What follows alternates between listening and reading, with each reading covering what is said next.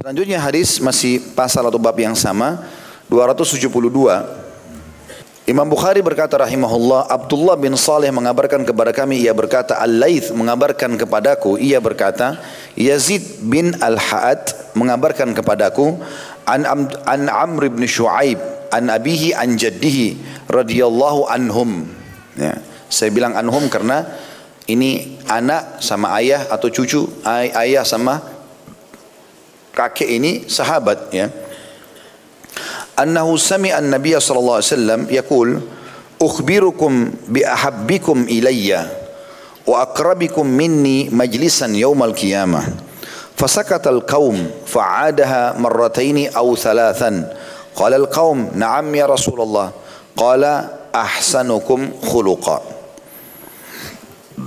dari Amr bin Shu'aib dari ayahnya dari kakeknya radhiyallahu anhum bahwa ia mendengarkan Nabi SAW bersabda maukah kalian aku beritahukan orang yang paling aku cintai di antara kalian dan paling dekat denganku tempat duduknya pada hari kiamat maka orang-orang pun orang-orang pun diam.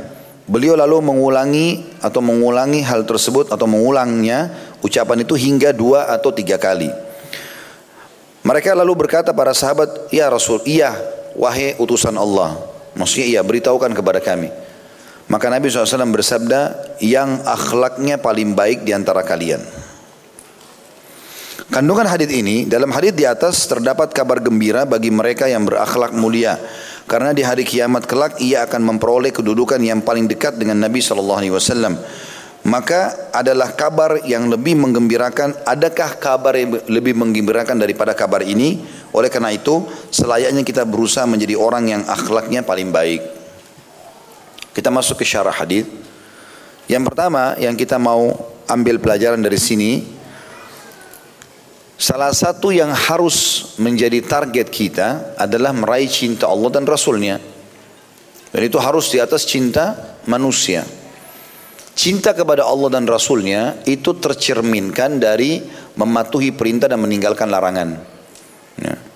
Kapan orang melakukan itu? Karena dia tahu Allah sebagai pencipta dan dia berharap agar bisa mendapatkan cintanya. Begitu juga Rasulullah SAW sebagai utusan dan dia ingin meraih cintanya maka secara otomatis dia akan menjadi orang yang paling sempurna imannya, mendapatkan kelezatan iman. Karena kata Nabi SAW, ada tiga golongan yang pasti akan mendapatkan kelezatan iman, kenikmatannya. Yang pertama adalah dia menjadikan Allah dan Rasulnya lebih dia cintai daripada selain keduanya. Gitu kan? Banyak aplikasi dalam kehidupan sehari-hari yang dicontohkan oleh para sahabat Nabi, terutama Ridwanullah alaihim, orang-orang yang mulia setelah Nabi SAW dan juga para murid-murid mereka dari kalangan tabi dan tabiin dan tabi tabiin. Di antaranya para sahabat kalau ada ayat-ayat Al-Quran turun maka mereka segera mengaplikasikannya karena bentuk cinta kepada Allah Subhanahu wa taala. Apa yang sifatnya perintah mereka kerjakan, apa yang sifatnya larangan mereka melakukan. Ya, sampai mereka berlumba-lumba dalam perbuatan-perbuatan seperti itu, mengerjakan perintah meninggalkan larangan. Begitu juga dengan mereka mengaplikasikan dengan mencontohkan bagaimana mencintai Nabi Shallallahu Alaihi Wasallam, baik dengan mengikuti perintah beliau ataupun mendahulukan beliau dari segala kebutuhan-kebutuhan mereka. Ada di antara sahabat pada saat Nabi SAW butuh rumah untuk Fatimah dan Ali radhiyallahu anhu dan pada saat itu masjid Nabi ada di tengah-tengah kota Madinah, di sekitarnya rumah Nabi dan para istrinya. Maka ada orang-orang Ansar, kalau saya tidak salah ini Sa'ad bin Ubadah radhiyallahu anhu, beliau sangat dermawan, maka beliau punya rumah itu berada pas di sebelah masjid Nabi. Pada saat itu kayak tempat yang paling strategis. Harganya jadi mahal, tempatnya juga sangat mulia karena di sebelah rumah Nabi. Maka dia memberikan kepada Nabi SAW rumah itu karena Nabi lagi butuh untuk Fatimah dan Ali jumain. Kemudian dia pun pinggir tinggal di pinggir kota Madinah. Ya, ini karena bentuk cintanya kepada Nabi alaihissalatu wassalam, gitu kan. Nah ini termasuk juga dalam bentuk cinta aplikasi ini membela Allah dan Rasulnya pada saat ada orang-orang yang mencaci dan menghina gitu kan misalnya mencaci maki Al-Quran perkataan Allah subhanahu wa ta'ala atau e, meragukan dan menghardik ataupun mencelah janji-janji Allah tentang surga, tentang bidadari, tentang bidadara dan seterusnya maka ini semua kita harus berdiri sebagai orang yang mencintai Allah untuk membela Allah dan Rasulnya gitu kan? Begitu juga Nabi Muhammad SAW tentang citra beliau, nama baik beliau semuanya ini harusnya tentu dijaga ya bagaimana seseorang melakukan itu. Imam Malik rahimahullah mengaplikasikan tadi kan saya bilang cukup banyak contoh dalam aplikasi ini dan masing-masing orang punya uh, upaya untuk menambah cintanya kepada Allah dan Rasulnya. Imam Malik rahimahullah punya ciri khas sendiri karena beliau adalah dikenal dengan Imam Darul Hijrah, Imam negeri hijrah maksudnya Madinah karena beliau ulama besar dan termasuk salah satu penulis buku hadis yang masyhur Muwatta Imam Malik masuk dalam salah satu dari sembilan buku hadis rujukan dunia ya. Imam Malik rahimahullah setiap kali ingin menyampaikan hadis Nabi SAW maka beliau selalu pakai baju bersih, pakai minyak wangi terbaiknya, menggunakan siwak, menjaga bau mulutnya gitu kan. Dan beliau sendiri kalau jalan dari rumahnya menuju ke Masjid Nabawi, beliau tidak pakai sendal. Sebagai bentuk menghormati Nabi SAW. Itu istihadnya, aplikasinya dia gitu kan. Tapi yang paling penting adalah bagaimana beliau setiap kali menyampaikan hadis Nabi SAW, beliau dalam kondisi wangi, bersih. Selain itu wahyu dari Allah juga karena mencintai Nabi alaihi salatu wassalam. Ya, seperti itulah kurang lebih. Begitu juga dengan para salafus saleh yang lain, bagaimana mereka sangat menghormati Nabi Wasallam dengan cara-cara yang mungkin aplikasinya itu istihad pribadi. Iyas al-Muzani rahimahullah salah satu ulama tabi'in pernah belajar dari sahabat Nabi namanya Anas bin Malik tadi yang kita sebutkan ya pembantu Nabi SAW di akhir hidupnya Anas bin Malik di umur 90 tahun lebih semua rambutnya sudah putih alisnya putih jenggotnya putih semua dia Pernah Anas bin Malik mau makan apel, punya apel beberapa buah. Dia lihat ada Iyas muridnya, dia kasih. Kasih Iyas al-Muzani satu apel itu. Biasa muslim berikan muslim yang lain. Tapi Iyas al-Muzani waktu itu sudah menjadi ulama juga. Murid-muridnya banyak di Irak. Dan ini Anas bin Malik tentu gurunya para ulama kena sahabat Nabi. Waktu dikasih apel dia cium-cium apel itu. Si Iyas ini mencium-cium apel itu. Bukan dimakan sama dia. Murid-muridnya heran, ini sikap gurunya kok aneh gitu. Lalu mereka tanya, kenapa anda mencium apel yang dikasih oleh Anas bin Malik? Maka bentuk aplikasi cintanya kepada Rasulullah SAW dia bilang begini, bagaimana saya tidak menciumnya? Sementara apel ini saya terima dari tangan yang pernah menjama atau bersalaman dengan tangan Nabi SAW. Nanti Anas bin Malik ini kan pembantu Nabi. Dia pernah siapkan perlengkapan Nabi, dia pernah salaman sama Nabi, dia segala macam. Maka mulia ini. Seperti itulah mereka bentuk aplikasi istihad pribadinya ya seperti itu. Nah mungkin kalau di zaman kita sekarang adalah bagaimana kita memuliakan hadis Nabi SAW, kita mengaplikasikannya, kita membela nama baiknya beliau, gitu kan? Termasuk teman-teman kalau kita datang ziarah ke kuburnya, ke masjidnya, kita menghormati dengan tidak mengangkat suara, tidak ribut, ya, membaca salawat kepada Nabi SAW dengan baik dan santun, ya, seringnya membaca salawat kepada beliau SAW dan ini termasuk bagian daripada bentuk cinta kita, terutama di hari Jumat, terutama di hari Jumat dan ini satu hal yang sangat baik. Uh, saya tidak tahu tentang kesahihannya tapi kisah ini masyhur tentang uh, Sultan Abdul Hamid, salah satu sultan yang masyhur uh, di kalangan kerajaan Uthmaniyah. Terkenal orang yang sangat mencintai Nabi SAW. Dan dia banyak punya aplikasi dalam melakukan, dan mungkin orang tidak terfikir. Di antara yang dinukil kisahnya adalah Beliau sering merajut sapu sendiri dengan tangannya. Padahal dia khalifah, dia raja waktu itu. Dan Uthmaniyah termasuk kerajaan yang Islam yang paling besar menguasai dunia di zamannya gitu kan. Dia sering merajut sapu, khusus sapu itu untuk menyapu kuburan dan rumah Nabi SAW. Dia rajut dengan tangannya sendiri. Dia suruh pengawal-pengawalnya bawa ke sana khusus untuk bersihkan rumah dan kuburan Nabi SAW. Kalau sudah rusak sedikit, sudah mulai itu diganti sama dia. Rajut lagi sendiri. Sampai dia pernah panggil sekretaris lalu dia mengatakan, ini yang menukil kisah, ya dia mengatakan bahwa apakah kau tahu apa yang sedang saya kerjakan? Kata sekretarisnya, Anda sedang merajut sapu. Tidakkah kau tanya kenapa saya lakukan ini? Kata uh, sekretarisnya, iya. Saya heran kenapa Anda merajut sapu sendiri. Padahal Anda bisa memerintahkan siapa saja di kerajaan yang luas ini untuk membuatnya. Gitu. Lalu kemudian dia buka ada ada rupanya sapu sebelumnya sudah mulai agak tua menurut dia, dia perlihatkan. Dia bilang, apakah kau tahu ini sapu? Dia bilang, iya saya tahu sapu. Kau tahu nilainya? Dia bilang tidak. Saya tidak tahu. Dia bilang ini saya sudah rajut. Sebenarnya sekretarisnya tidak tahu. Jadi Sultan Abdul Hamid ini suka kalau buat diam-diam dia utus satu orang pergi ke sana. Orang-orang dekatnya pun tidak tahu untuk nyapu kuburan Nabi SAW. Maka dia bilang ini saya sudah buat bertahun-tahun. Setiap kali rapuh saya pasti ganti dengan yang baru. Dan ini saya buat khusus untuk kuburan Nabi SAW sebagai bentuk cinta kepada beliau. Contoh saja gitu kan.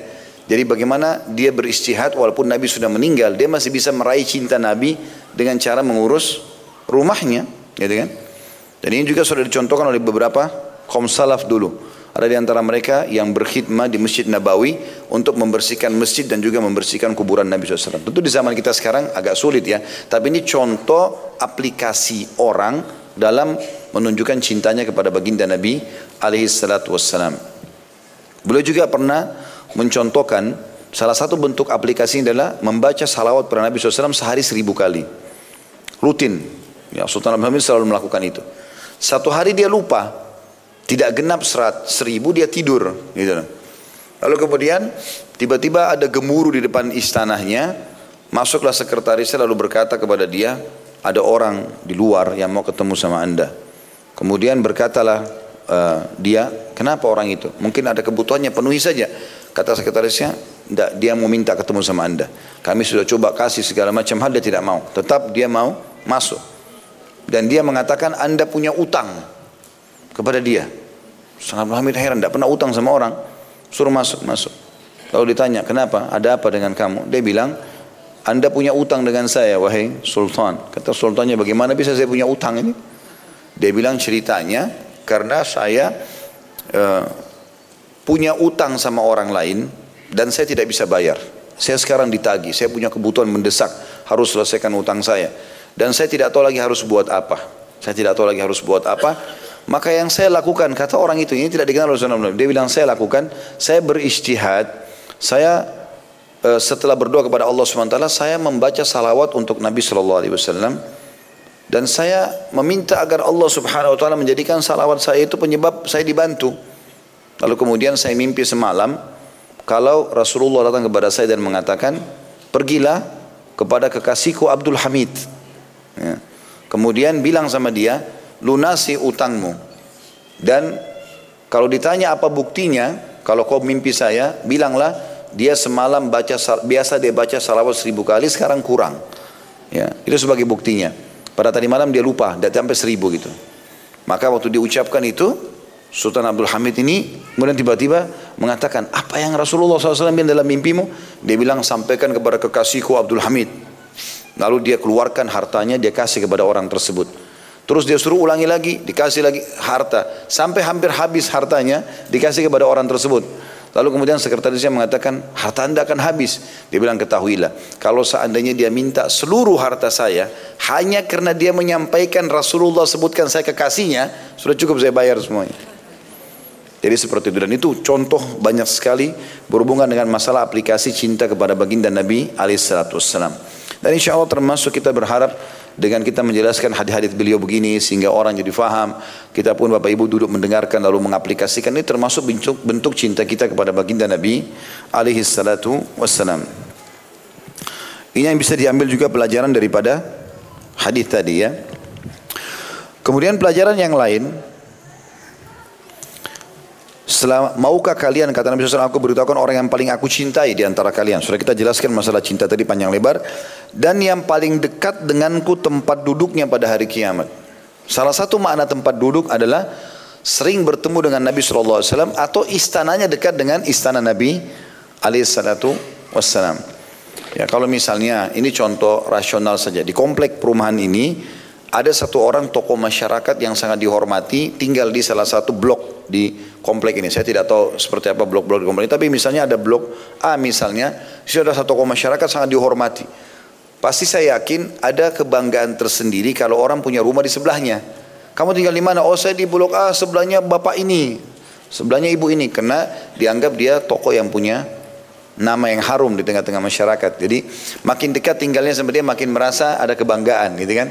Atau kita menjadi teman spesial spesialnya dia maksudnya sering komunikasi, sering komunikasi, sering dekat segala macam. Ini pasti punya kedudukan. Nah, tentu sebuah kebanggaan yang luar biasa di kehidupan abadi di akhirat nanti kalau kita dekat dengan Nabi SAW dan satu seluruh penghuni surga miliaran orang tahu oh ternyata fulan dekat dengan Nabi SAW itu kebanggaan dan ini sifatnya abadi bukan kayak kita tadi di dunia misalnya tokoh masyarakat itu pindah tempat ini enggak. Maka ini kedudukan tersendiri. Siapa yang sangat dekat duduknya dengan Nabi SAW maka Nabi ingin menarik perhatian para sahabat. Dan ini pelajaran ketiga. Nabi SAW punya satu metode dalam menyampaikan uh, wahyu yaitu jadwul intibah, menarik perhatian audiens dengan cara melempar pertanyaan berharap mereka bertanya kembali tentang apa yang Nabi SAW tanyakan. Seperti di sini Nabi bilang, orang yang paling dekat, orang yang paling aku cintai dan dekat keluarnya pada hari kiamat, ya, di antara kalian. Tapi Nabi nggak jelasin siapa mereka. Sahabat diam semua. Seakan-akan mereka nunggu jawabannya. Nabi ulangi lagi dua kali. Ada orang-orang yang dekat kedudukannya sama orang yang paling aku cinta dan kedudukannya dekat sama aku pada hari kiamat. Nabi nggak jelasin. Nabi berharap ada di antara sahabat yang bertanya. Rupanya setelah dua atau tiga kali Nabi bertanya, barulah sahabat memahaminya. Kemudian mereka mengatakan, Ya Rasulullah, beritahukan kepada kami, siapa itu orang yang anda cintai dan orang yang dekat dengan anda. Barulah Nabi SAW tutup sambil mengatakan yang akhlaknya paling baik di antara kalian. Jadi walaupun kita tidak hidup menjadi para sahabat Nabi Ridwanullahi alaihim, kita masih bisa bersama dengan Nabi SAW dan itu di tempat yang lebih mulia daripada dunia yaitu di akhirat dan abadi dengan cara menjaga akhlak kita yang baik. Ini kalau ini saja balasannya untuk orang akhlak yang baik sudah cukup. Apalagi tadi dengan sebelumnya kita sempat bahas akan berat timbangannya hari kiamat dan keutamaan-keutamaan akhlak yang lain. Allahu alam. Baik mohon maaf sudah setengah sebelas. Kita lanjutkan di Kamis akan datang insya Allah. Mungkin begitu saja. Subhanakallahumma bihamdika. Asyhadu an la ilaha illa anta astaghfiruka wa atubu ilaik. Assalamualaikum warahmatullahi wabarakatuh.